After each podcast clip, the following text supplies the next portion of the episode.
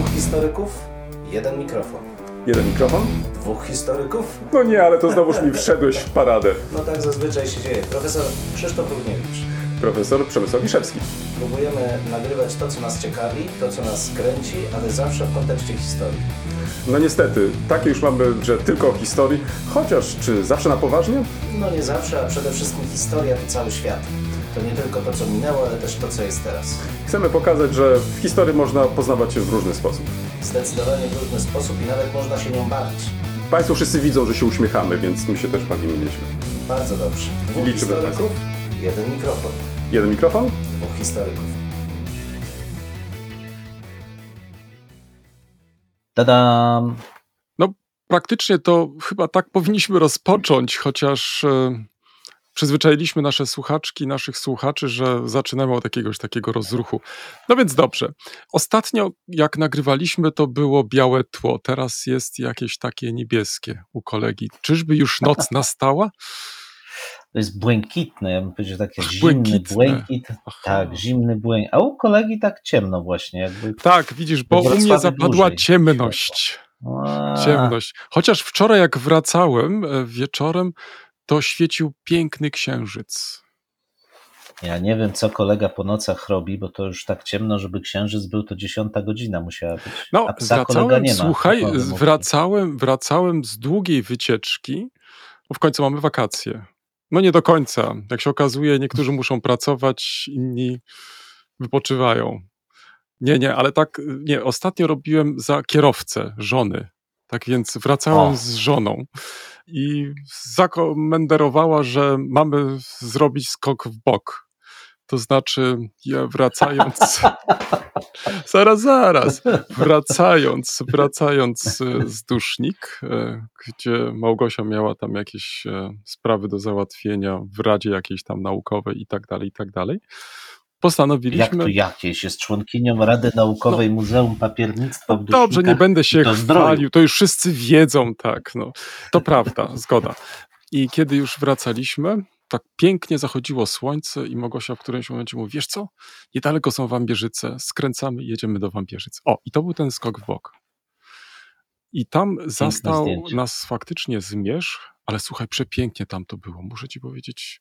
Dawno już nie byłem. Nawet przypomniałem sobie, że byłem tam przed 30 laty. 30 lat. Wyobraź sobie. Ale nie będę opowiadać szczegółów, bo one są bardzo takie, bym powiedział, y, kolorowe.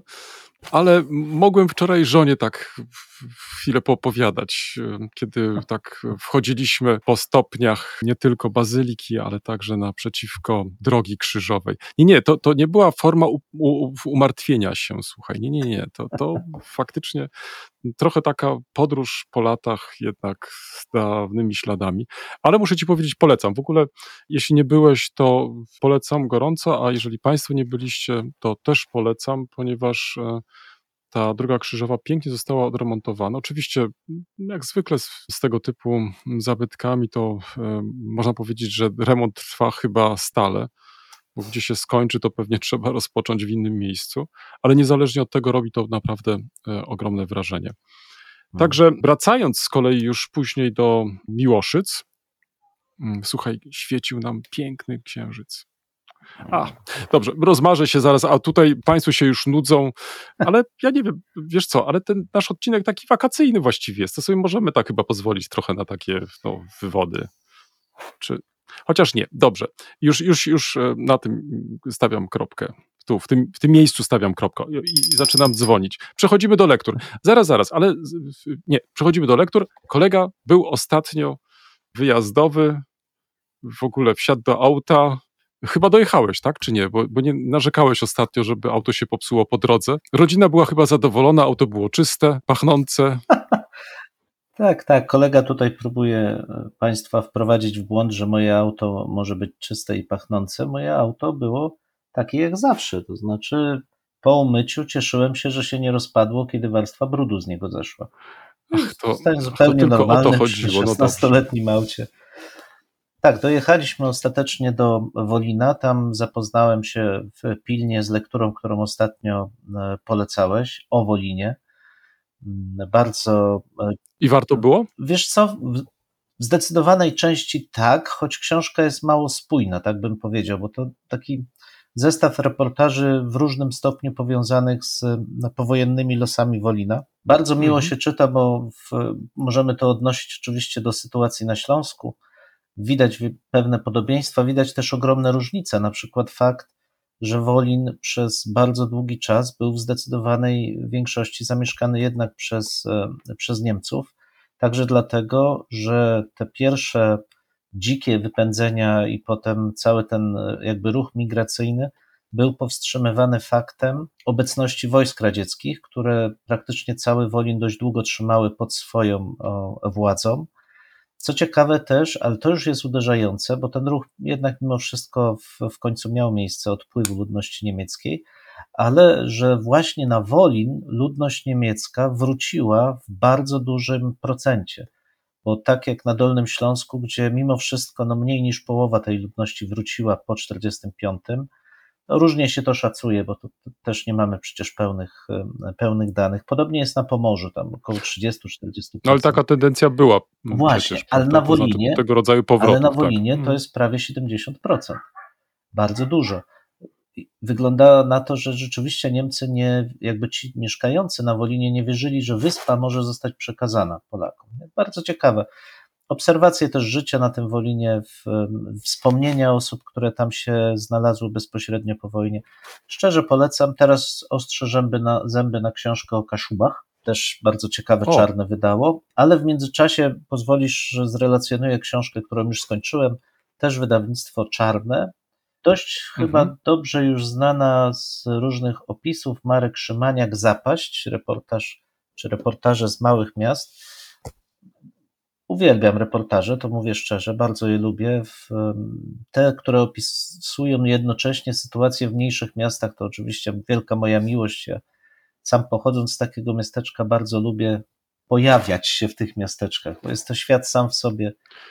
A chcesz tym różny. samym pod, powiedzieć, że podglądasz je wręcz. Tak, trochę masz rację. To jest trochę takie podglądanie, to znaczy zobaczenie, jak ten nurt historii płynie nieco inaczej w różnych miejscach. To jest też chyba ten powód, dla którego tak lubię zajmować się zawodowo mniejszymi społecznościami, gdzieś na poboczach tych głównych nurtów historii będących. Ale te reportaże mam tutaj pewien, mm, pewne zastrzeżenie, bo generalnie bardzo ciekawa książka, jednym tchem w zasadzie ją przeczytałem na ile to jest możliwe, oczywiście z, z, z naszej sytuacji, ale co mnie mm, trochę, nie powiem, że zniechęciło do książki, ale taki mój zarzut do autora, może niewielki, ale jednak, że skupił się wyłącznie na negatywnych przykładach. To znaczy, rzeczywiście jest to książka o zapaści, to znaczy o takich miastach, które wpadły w kryzys po 1989 roku, wieloraki, bo większość z nich, co dotyczy równie dobrze miast e, wojewódzkich, tu pamiętamy Archipelag, bardzo dobra też książka na ten temat, wraz z końcem tej funkcji administracyjnej i przede wszystkim przemysłowej, te miasta wojewódzkie popadają w kryzys i w przypadku małych tych miast 10, 20, 30 tysięcznych jest bardzo podobnie. Tu z Dolnego Śląska przytacza się przykład y, Bielawy, i przykład Nowej Rudy. I to jest paradoksalne, bo gdyby teraz ktoś chciał sięgnąć po ten reportaż i spojrzeć na Nową Rudę teraz, to przecież widzimy spektakularny renesans tego miasta, nie dzięki przemysłowi, ale dzięki w zasadzie jednej osobie, Oldze Tokarczuk, która potrafiła swoją charyzmą tchnąć drugie życie w to miasto, pomimo, że nie pojawia się tam wielki przemysł. Ale mówię o tym dlatego, że takich przykładów nieprostych e, wychodzenia z kryzysu na samym Dolnośląsku jest więcej i myślę, że gdyby pogrzebać w Polsce, to takich historii sukcesu znaleźlibyśmy równie dużo. Tu z takich e, klasycznych, powiedziałbym, przemysłowo-gospodarczych, ja mógłbym wskazać spokojnie Oleśnicę na Dolnym Śląsku.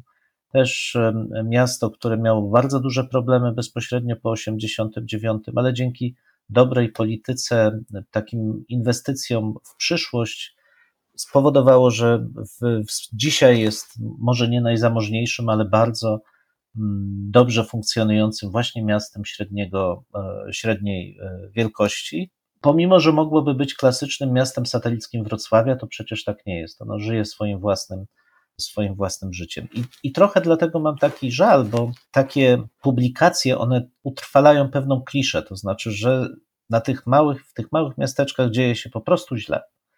Że transformacja je zniszczyła, że transformacja odebrała im szansę, że, że trzeba pochylać się i pomagać, co oczywiście nie, niekoniecznie jest nie, nieprawdą, bo czasami bardzo zła polityka miejscowych włodarzy w samych latach 90. i na początku XXI wieku, kiedy przegrano szansę przy wejściu do Unii, powoduje, że rzeczywiście teraz tam jest źle. Ale ja bym unikał takich łatwych skojarzeń czy takich łatwych podsumowań, że wszędzie w tych małych miastach musi być źle, choć, i to jest oczywiście wielki problem, nie jest prosto znaleźć taką specyficzną funkcję dla tych małych miast, która pozwoli zatrzymać młodych mieszkańców. Bo rozwój, i to mówię z dużym też żalem, rozwój Polski został w, zdeterminowany przede wszystkim przez centralizację z ogromną Warszawą, która w, kumuluje wszystkie centralne urzędy, wszystkie centralne funkcje i z kilkoma metropoliami, które starają się naśladować Warszawę. Kolejny raz, moim zdaniem, jest to zupełnie bez sensu. Ja nie jestem przekonany do, takiego, do takiej wizji rozwoju metropolitalnego, no ale z drugiej strony, tak jak mówię, nie wydaje mi się, że to przekreśla szanse wszystkich tych miast i może warto byłoby wskazać też te pozytywy. Tym niemniej uważam, że książka jest bardzo ciekawa, wszystkim szczerze polecam. Jeszcze raz przypomnę tylko Marek Szymaniak, zapaść reportaże z małych miasteczek. Wiesz co, tak jak opowiadałeś teraz, to mm, wcześniej wspomniałem o dusznikach zdroju i ponieważ miałem kilka godzin czasu, kiedy Małgosia była zajęta, postanowiłem przejść się po podwórkach tym razem. Trochę mając e, gdzieś e, zanotowane z tyłu głowy naszą ostatnią rozmowę, kiedy to tak wymienialiśmy się e, naszymi uwagami, co oglądać w takich miastach, Także nie tylko fasady, ale też może zajrzeć za tymi fasadami. Dla mnie to była trochę taka też podróż w przeszłość, ponieważ e, w dzieciństwie spędzałem tam wszystkie swoje e, wakacje, ferie i tak dalej, z racji tego, że część e, mojej rodziny tam mieszkała. Dzisiaj już nie, ale muszę ci powiedzieć, że po wielu, wielu latach, kiedy tak zapuszczałem się w te podwórka i chciałem odnaleźć te znajome miejsca, ich nie znalazłem. Po prostu to miasto tak się pięknie rozwinęło. Są kapitalnie odnowione zabytki kamienice, kolejne jakieś są e, właśnie teraz szykowane do odnowienia. Muszę ci przyznać, że z przyjemnością chodziłem właśnie po tych ulicach, po tych podwórkach.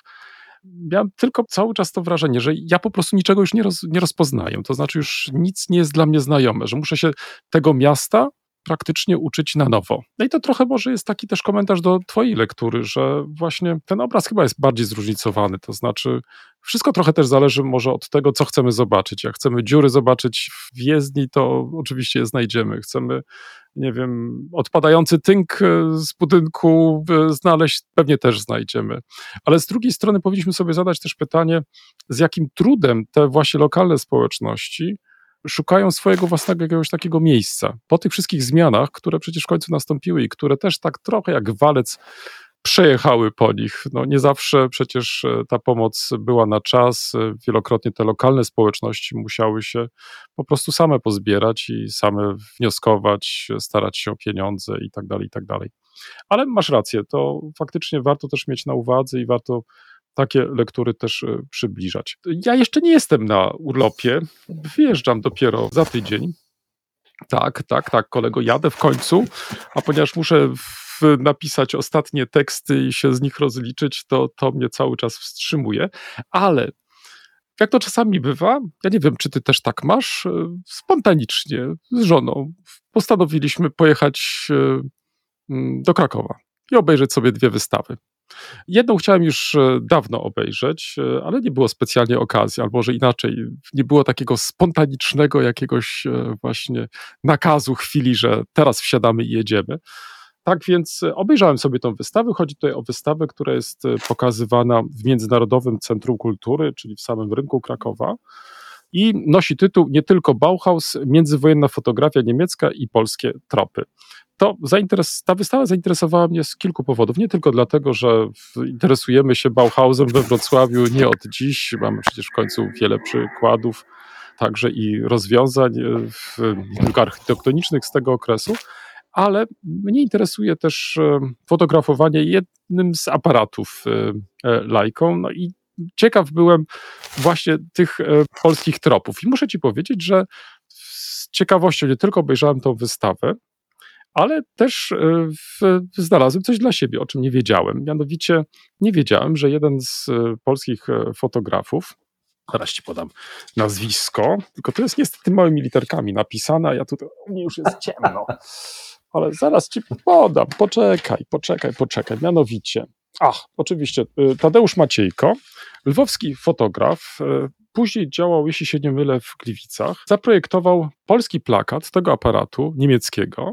To jest fotomontaż. Musisz sobie to wyobrazić, mianowicie na tym aparacie Leica, to jest typ trzeci, stoi chłopiec z takim zawadzjackim kapeluszu i zwisa mu też aparat Leica. Tak sobie pomyślałem, pewnie w ten sposób autor chciał oddać, że fotografowanie tym aparatem jest dziecinnie proste. No strasznie mi się to podobało, też przez chwilę stałem, podziwiałem ten plakat, bo faktycznie jest charakterystyczny. I mamy, co ciekawe, wrocławski też akcent, ponieważ plakat ten, ku mojemu wielkiemu zaskoczeniu, znajduje się w zbiorach Muzeum Narodowego we Wrocławiu. To tylko tak na marginesie, więc trzeba jechać do Krakowa, żeby zobaczyć, e, zobaczyć, e, co Wrocław ma w swoich zbiorach. No ale to chyba nie po raz pierwszy robię takie doświadczenie. Według tego motta, tak, cudze chwalicie, swego nie znacie. To tylko tak na marginesie.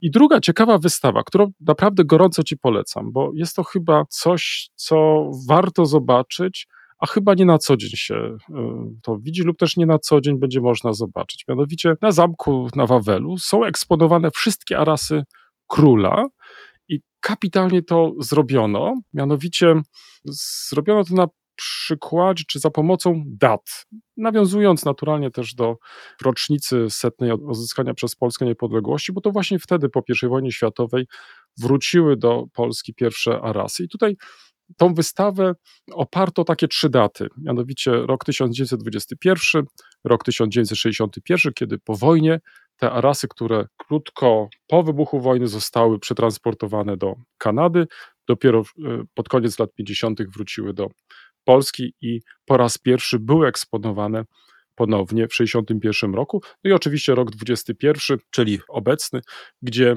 na dwóch piętrach postanowiono e, pokazać wszystkie arasy, jakie dotąd udało się zgromadzić e, w Polsce.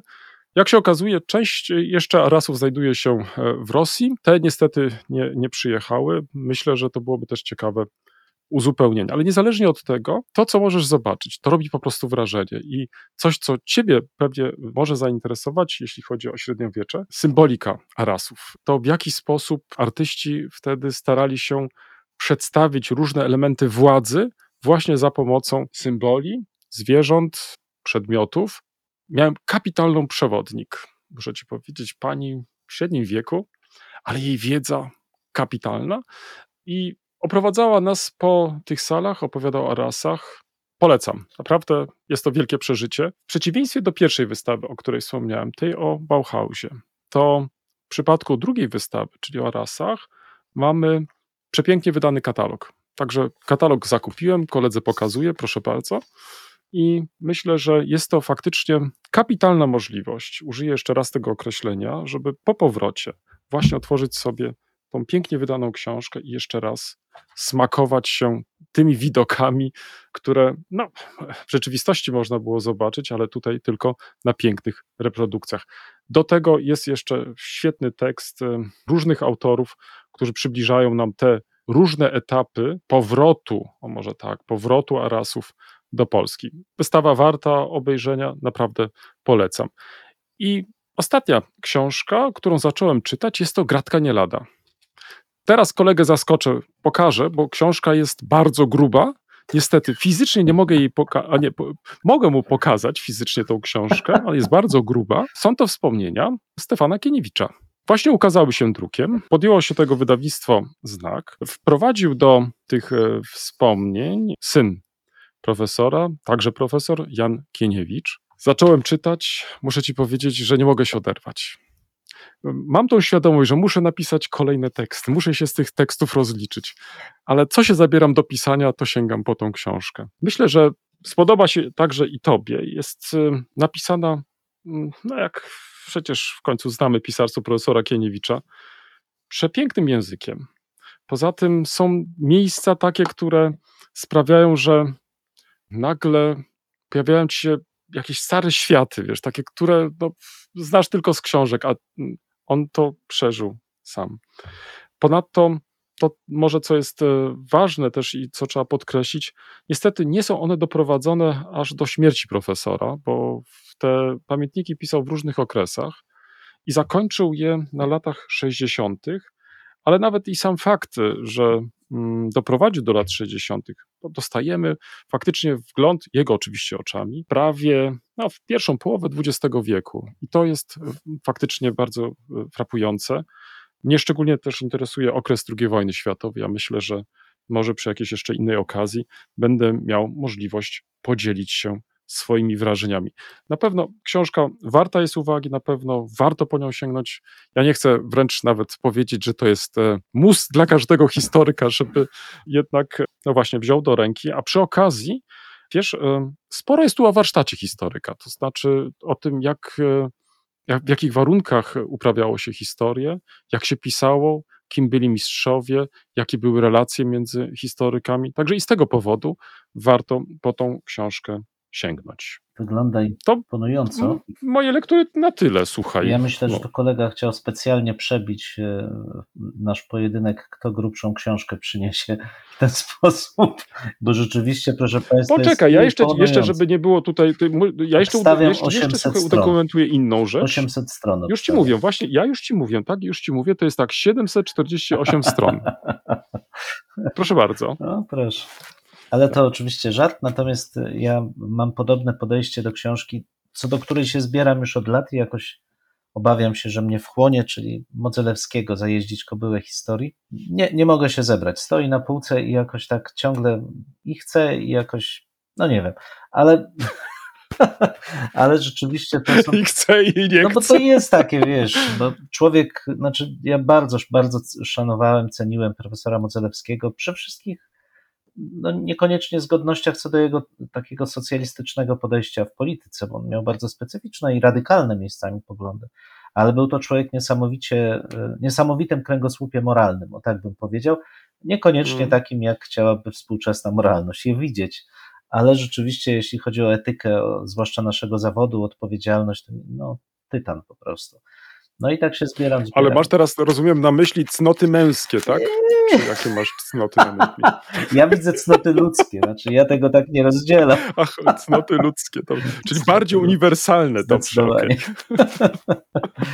Okej, To co, dzwonimy Dzwonimy. teraz y, do następnej części tak naszej, jest. tak? Tak jest. Bo skoro lektury już mamy za sobą, Mhm.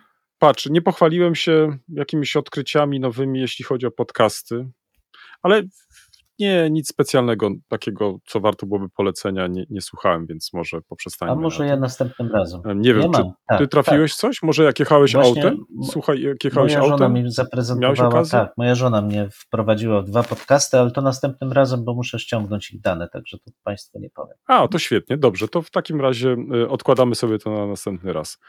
Dzwonimy. No tak, czy w tym miejscu właściwie to chyba to westchnięcie jest y, bardzo znaczące. Czy pomyliłem się, jeśli chodzi o, przepraszam, jeśli chodzi o dalszą część naszej rozmowy? Mm. Trudny temat przed nami. Od nie? czego zacząć, powiedz? Od Mhm. czego zacząć? Może od cytatu, jeżeli pozwolisz, y, bo to tak trochę wprowadzi nas w atmosferę. Nie dlatego, że już się u mnie jest za oknem ciemno, księżyc świeci i tak dalej, ale może dobrze, zacznę w takim razie od cytatu. Cytat. Tak jak polska nauka jest dla Polski, bo jest finansowana przez Polaków, tak polskie uczelnie są dla polskich studentów, to oczywiste. I to powiedział w polskim radio 24 radiu, przepraszam, 24 minister edukacji i nauki profesor Przemysław Czarnek. Jeszcze raz, polska nauka dla Polski, finansowana przez Polaków, polskie uczelnie są dla polskich studentów, to oczywiste.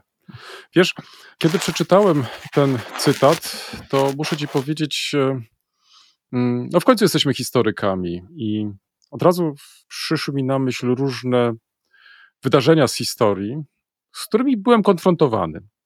I pewnie myślisz, druga wojna, przecież ja nie przeżyłem drugiej wojny. Nie, nie, nie. W roku 89, 89 albo 90, nie, to był rok 89, kiedy Polacy, no właściwie po wielu latach, kiedy no musieli, jeśli chcieli wyjechać na przykład do Republiki Federalnej Niemiec, to musieli po prostu załatwić sobie wcześniej zaproszenia, zgody, pieniądze i tak dalej, i tak. Po raz pierwszy dla Polaków w roku 88 pojawiła się możliwość pojechania do Berlina Zachodniego bez e, wizy, tylko praktycznie z paszportem. Nasi rodacy, jak e, pamiętasz, e, skorzystali z tej możliwości. No i praktycznie można powiedzieć, zaznaczyli tam swoją obecność. To znaczy, w sposób taki bardzo bym wręcz powiedział, kreatywny podeszli do całej sprawy, bo E, chyba, nie wiem, połowę polskiej produkcji bigosu tam przewieźli. Dostarczyli białego sera. Już nie mówię o jajkach i tak. Oczywiście żartuję, ale myślę tutaj przede wszystkim o tak zwanym Polenmarkcie. No, to wszystko sprawiało, że tak, w którymś momencie zaczęło już brakować towaru, więc uzupełniano ten towar po części wschodniej, bo dojeżdżało się wtedy do Berlin-Lichtenberg i tranzytem dalej się jechało z Berlin-Lichtenberg do Berlina Zachodniego, przechodząc oczywiście przez um, przejście Friedrichstraße, jeżeli się jechało pociągiem. I w którymś momencie nerdowcy, przepraszam za to określenie nerdowcy, ale władze NRD lub też pewnie to była inicjatywa części chyba tylko obywateli NRD, zaczęli po prostu umieszczać w witrynach sklepów określenia tylko, znaczy napisy tylko dla Niemców. Nufie Deutsche. To był rok 89, 90. Wywołało to w Polsce oczywiście ogromne poruszenie. To znaczy, no jak to w ogóle jest możliwe, że to od razu są wspomnienia z II wojną światową, to są naziści i tak dalej, i tak dalej. Ale to też się pojawiło. Oczywiście w wyniku tych protestów ta akcja została szybko zakończona. Już nie pamiętam, czy były też jakieś przeprosiny i tak dalej, i tak dalej. Ale powstało to takie właściwie wrażenie, właśnie nur für Deutsche, i teraz jak czytałem wypowiedź pana ministra, że polska nauka jest dla Polski. Tak zacząłem się zastanawiać, skąd się bierze właśnie taka tęsknota za polską nauką. Czym to wytłumaczyć? Naszych słuchaczy przyzwyczajamy do tego, że trudno jest e, określić w przypadku nauki narodowość. E, chyba wielką zaletą tego, co uprawiamy, jest jednak mimo wszystko uniwersalność, bo przecież do tych wartości uniwersalnych wielokrotnie nawiązujemy, prawda, rzetelność i tak dalej, i tak dalej. Skąd właśnie bierze się taka chęć podkreślania na każdym miejscu? Bo zwróć uwagę, gdybym policzył tutaj, ile razy pada Polska, Polski i tak dalej, to w jednym zdaniu, w jednej wypowiedzi masz raz, dwa, trzy, cztery, pięć, pięć razy. W jednym zdaniu. Nie wiem skąd się to bierze.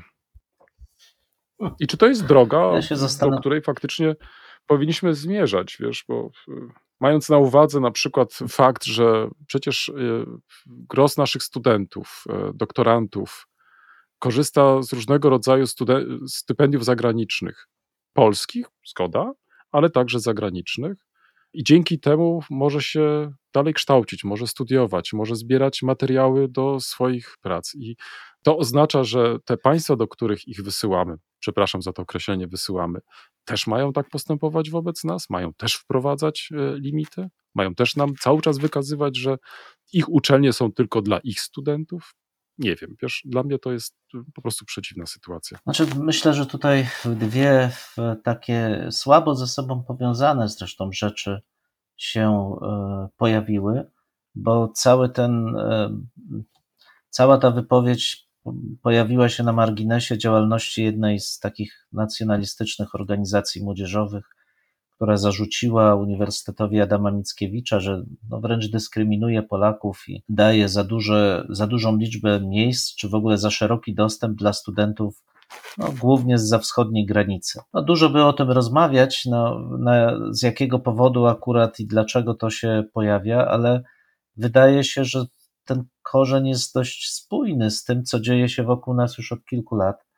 Nie ma co ukrywać, że te ciągotki takie stricte nacjonalistyczne w dyskursie publicznym, przyzwolenie na tego typu mm, wystąpienia, też na mowę nienawiści, są niestety no, dość powszechne. Ale skupiając się na tej wypowiedzi już tylko pana ministra, Wydaje mi się, że to pomijając na ile świadome, a na ile takie impulsywne, odsłaniające głębie serca wypowiadającego się, określenie wynika po prostu z niezrozumienia tego, czym jest nauka. Znaczy, to zostało to potraktowane tak, jak moglibyśmy to sobie wyobrazić. Naukę wyobrażali sobie politycy, ideologowie państw totalitarnych w pierwszej połowie XX wieku. Domyślam się, że tak widzieli też e, naukę późniejsi pierwsi sekretarze czy sekretarze partii komunistycznych bloku wschodniego, uważając, że nauka to władza. Nauka to coś, co mm.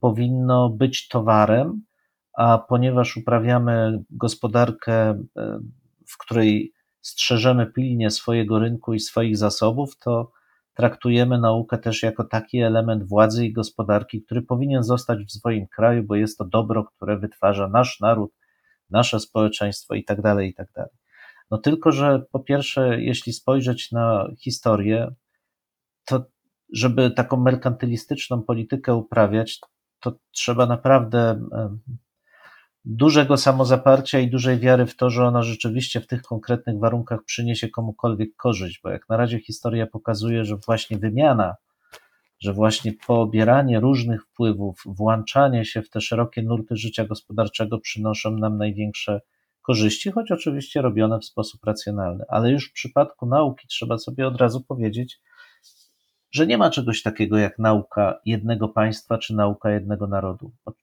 są zawsze takie ciągoty, żeby odpowiednie patenty, rozwiązania technologiczne zastrzec, żeby one wzbogacały gospodarkę czy tą instytucję, która przyznaje pieniądze na badania. Rzecz zupełnie normalna, nie wymagająca e, tłumaczenia, ale czym innym są te badania komercjalizujące już wiedzę, a czym innym wiedza jako taka, nauka jako taka. I szczerze mówiąc, nie wiem w jakiej głowie mógł się urodzić taki szalony pomysł, że w świecie współczesnym może funkcjonować nauka jednego narodu. Starałem się, wiesz, nawet przypomnieć sobie, gdzie, gdzie moglibyśmy umiejscowić takie wydarzenia, czy taką refleksję, że nauka należy do jednego narodu, kiedykolwiek, albo do jednej mhm. społeczności politycznej. Właśnie nie rozwiązania, konkretne rozwiązania, takie, które wzbogacają gospodarkę, czy które, nie wiem, służą rozwojowi obronności, bo, bo mówię, to jest zrozumiałe, że one są jakoś tam chronione. Choć we współczesnym, zglobalizowanym świecie to nie jest takie proste. Ale nauka jako taka, no i w zasadzie to raczej powiedziałbym, że wszyscy starali się w tych swoich działaniach, czy zanim nawet powstały organizmy państwowe tak scentralizowane jak współczesne państwa, ale też i potem, po XIX wieku, chwalić się nauką, to znaczy pokazywać, że ta nauka jest wkładem danej społeczności w to, co wytwarza cała ludzkość, jak zmienia się cała ludzkość, cała, cała działalność kultury, taka wzmacniająca kulturę ludzkości opiera się przecież na tym, że to my pokazujemy, co nam się udało, czego się dowiedzieliśmy. Wiesz, naprawdę trudno by mi było wskazać, poza właśnie takimi naprawdę ściśle totalitarnymi rządami, gdzie, ale nawet i one przecież chciały chciały się chwalić tym, że ktoś w kręgu tego narodu wynalazł coś, co potem jest w powszechnym użytku. No przecież te wszystkie dowcipy o radzieckich wynalazcach, e, którzy wynaleźli radio, telewizję i tak dalej, no właśnie opierały się na tym, że każdy z tych mm, krajów, nawet najbardziej totalitarnych, chciał pokazać, że to jego naukowcy mają tak ogromny wkład w rozwój nauki e, całego, całej ludzkości. Naprawdę nie rozumiem tej wypowiedzi w tym sensie też, że pokazuje ona zupełne niezrozumienie funkcjonowania nauki współczesnej, gdzie nie sposób sobie wyobrazić, żeby mogła się rozwijać jakaś nauka polska w oderwaniu od nauki ogólnoświatowej. Nie rozumiem tego. Tu zwróciłeś oczywiście na jeden aspekt e, ważny uwagę. Mm, ja jeszcze może zwrócę uwagę na inny problem, z którym z kolei przed wielu, wielu laty byłem e, konfrontowany. To zwróć uwagę, co to oznacza, że na polskich uczelniach studiują obcokrajowcy. W końcu studiują obcokrajowcy. Jeszcze przypominam sobie te czasy, kiedy to sam z chęcią studiowałem e, na obcych uczelniach, ale co to oznaczało? Dzięki temu, że stwarzano mi takie możliwości, to poznawałem te uczelnie. Poznawałem sposób pracy, sposób nie tylko uczenia się, ale uczenia innych, komunikowania się. Dalej, poznawałem kraj, w którym mi to umożliwił. Mogłem dyskutować e, z koleżankami, kolegami i tak dalej. Jednocześnie ta druga strona poznawała mnie. To znaczy, nie byłem kimś za żelazną kurtyną, tylko byłem kimś z krwi i kości i mogliśmy o różnych rzeczach, nawet e, czasami trudnych, wspólnie dyskutować. To było o wiele łatwiejsze. Tak więc nie wiem skąd się właśnie wzięło teraz takie też e, przeświadczenie, że jeśli będziemy mieli więcej studentów niż e, polskich, niż obcokrajowców, no to te uczelnie będą lepsze. No ale dzięki temu, czy nie tracimy właśnie też tego, co byśmy nazwali może taką miękką polityką albo soft power, że moglibyśmy coś więcej powiedzieć o sobie, moglibyśmy potraktować tych e, ludzi, którzy często przyjeżdżają do nas z zagranicy, jako właśnie tych multiplikatorów, którzy po powrocie do swoich krajów będą opowiadać e, jak się studiuje, jak się żyje, z jakimi problemami się borykamy, że może w tej Polsce też nie jest tak źle, że są całkiem mili ludzie, że to nie jest tak, że krzyczą Polska dla Polaków i tak dalej, i tak dalej. No taka jest nauka, no przynajmniej tak rozumiem tą naukę, że to jest po prostu takie trochę działanie też sprzężone, to znaczy nie tylko my się uczymy jadąc e, za granicę, ale także i ci obcokrajowcy u nas się po prostu też e, sporo uczą, bo przecież w którymś momencie oni też wracają do swoich e, krajów i tam, no właśnie, za chwilę będą też pełnić takie czy inne funkcje.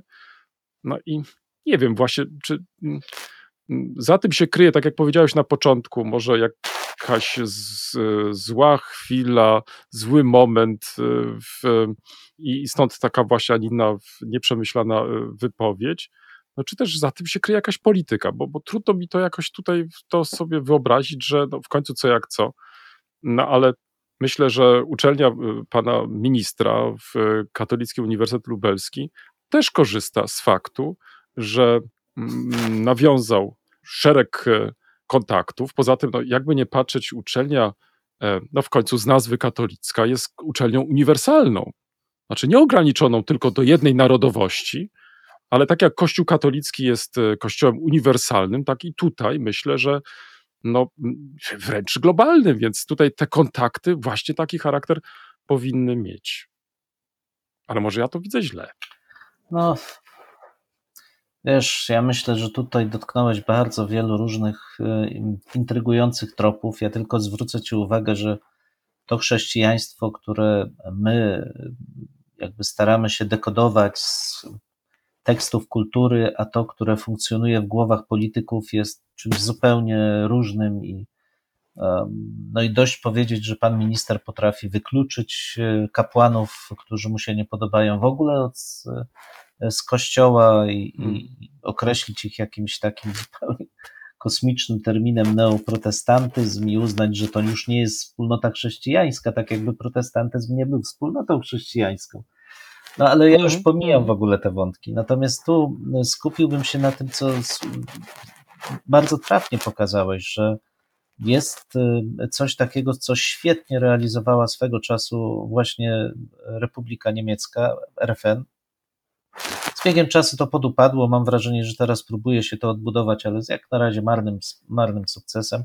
To znaczy taka polityka wciągania elit, e, polskich elit w, w taki krąg miękkiego oddziaływania, znaczy zapraszania na konferencje, dawania staży, stypendiów, co pozwalało nagle otworzyć okno właśnie na ten świat nauki, zobaczyć najnowsze prądy, porozmawiać, podyskutować, naprawdę nie tylko oswoić, ale też wciągnąć w pewien tok myślenia, w pewien sposób myślenia, pewnej akceptacji, o którą przecież na początku wcale nie było prosto. Ja pamiętam, że nawet jak historiograficznie spojrzysz na to, jak kształtowała się polska historiografia, to przecież na początku to była historiografia pod ogromnym wpływem francuskim. To Francja była tym mhm. miejscem, które promieniowało, zapraszało, wspomagało polskich intelektualistów, ale w latach 70., 80. to się zmienia. To jednak Niemcy stają się tym najważniejszym naszym partnerem, pomostem na, na zachód. Notabene nigdy Anglia kimś takim nie była na przykład. To też jest znamienne mimo wszystko. Ale widzisz, żeby tak e, działać, to trzeba, i tu niestety jest chyba to kluczowy, e, kluczowy problem, trzeba widzieć siebie w relacjach z innymi. Znaczy, trzeba dostrzegać wartość tego, że żyje się z innymi, że współpracuje się z innymi, Nauka jest klasycznym przykładem współpracy. Tu bardzo niewiele można osiągnąć samemu. Współpracujemy odnosząc się do naszych poprzedników, ale i też do osób nam współczesnych. My żyjemy dzięki temu, że dyskutujemy z innymi. I teraz, jeśli ktoś tego nie widzi, jeśli ktoś widzi tylko naukę jako właśnie ten prosty produkt, który się wytwarza dla korzyści gospodarczej, to on po prostu nie jest w stanie zaakceptować takiej polityki szerszej, o której wspomniałeś. I zobacz, że tak wygląda dzisiejsza polityka międzynarodowa Polski. Dla współczesnej polityki, czy dla współczesnego życia politycznego w Polsce, polityka międzynarodowa ma sześciorzędne znaczenie. Jest zupełnie gdzieś tam daleko. To są drobne interesy i interesiki, które się realizuje, gdzie się strzela focha, przepraszam za brzydkie słowo, Mm. jeśli coś nam się nie podoba. Natomiast takiej perspektywicznej na kilka lat co najmniej, jeśli nie dekad do przodu polityki, w zasadzie już się nie prowadzi. I pochodną tego jest właśnie takie myślenie. Polska nauka dla Polaków. Ja nie mogę się z tego otrząsnąć. Ja powiem szczerze, że byłem zdruzgotany, jak to przeczytałem. Jak minister nauki, Mm. ba, człowiek, który ma stopień doktora habilitowanego, który powinien mimo wszystko mieć szersze horyzonty, właśnie naukowe, może coś takiego powiedzieć. Ja byłem zdruzgotany, ale potem pomyślałem sobie, że to odpowiada dokładnie tym potrzebom jego grupy politycznej, jego mm, tego segmentu, do którego jako polityk się odwołuje. I to pytanie, które postawiłeś na początku, dlaczego społeczność, jakaś społeczność może chcieć takiego komunikatu, jest kluczowe.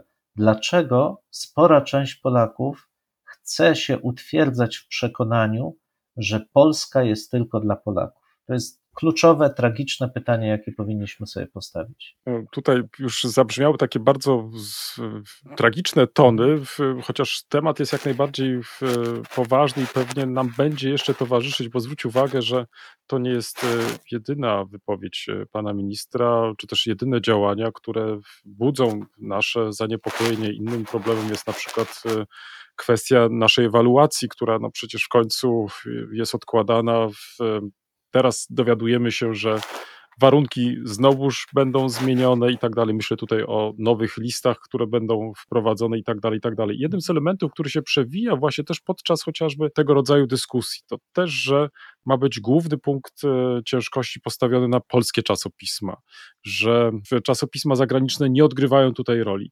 Ja się w tym momencie zacząłem zastanawiać, nie mam najmniejszego problemu, też nie chcę, żeby ktoś mnie źle zrozumiał. Uważam, że każde czasopismo naukowe, w, nieważne gdzie jest nawet tworzone, jest po prostu ważne, bo to jest owoc pracy, dyskusji i tak dalej, i tak dalej.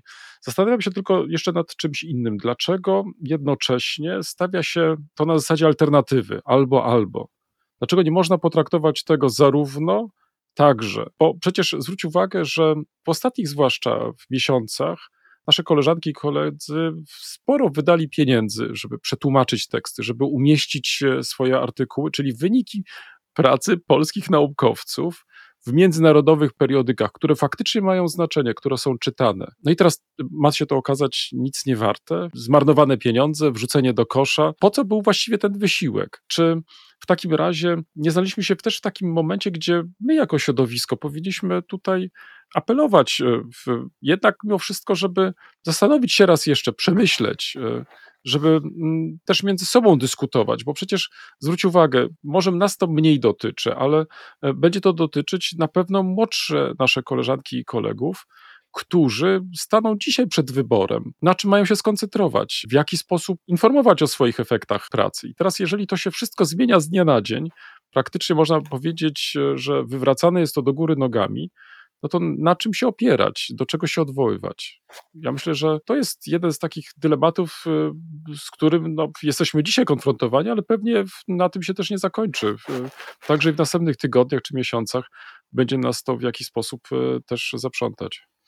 No wiesz, to generalnie jest bardzo chyba skomplikowany dyskurs, ale on sprowadza się przede wszystkim, w moim odczuciu, do tego wyboru, o którym wspomnieliśmy. To znaczy, jak chcemy traktować naukę i miejsce Polski w tym otoczeniu, przynajmniej europejskim.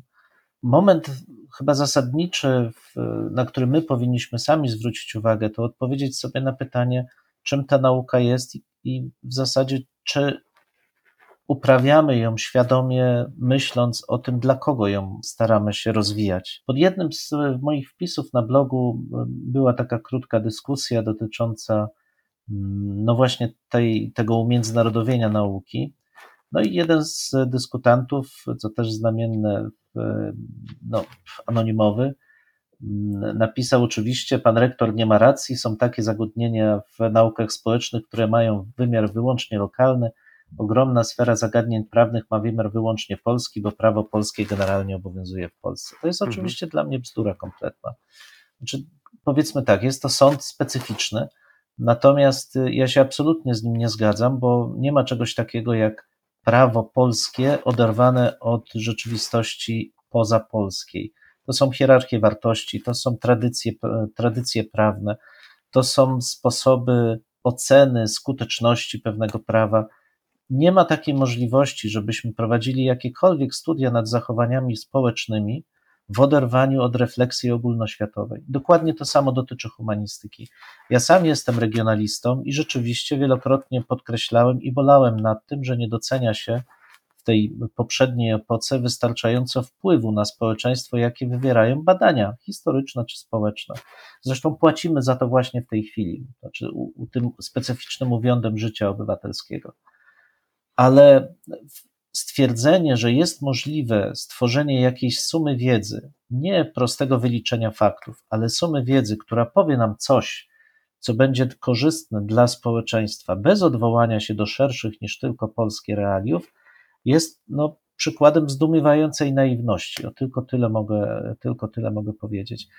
Ale niestety, jeszcze raz do tego wrócę. No, jeśli widzi się tylko wąski horyzont Polski, tylko tego państwa i tylko to państwo jest znane, w ogóle nie interesuje się tym, co na zewnątrz, ba, to budzi przerażenie, poczucie zagrożenia i szuka się takich działań, które mogą zabezpieczyć to, co jest swojskie przed tym, co jest obce, no to ta nauka stanowi zagrożenie.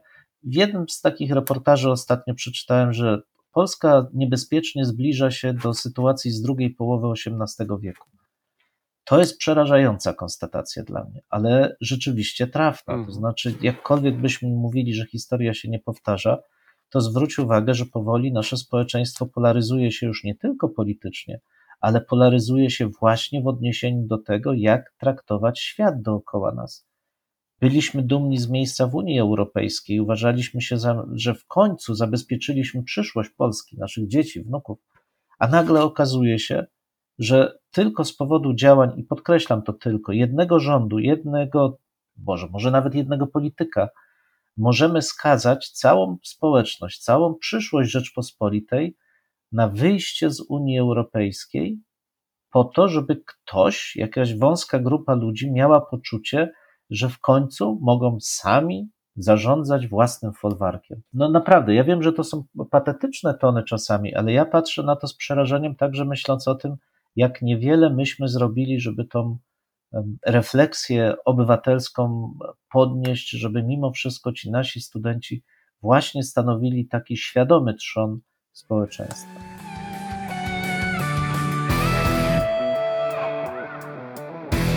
W tym miejscu stawiamy kropkę, lub też jak to woli, kropkę nad i. No, mamy nadzieję, że to nie jest koniec, że to jest początek Waszych dyskusji. Mam nadzieję, że Was zaciekawiliśmy.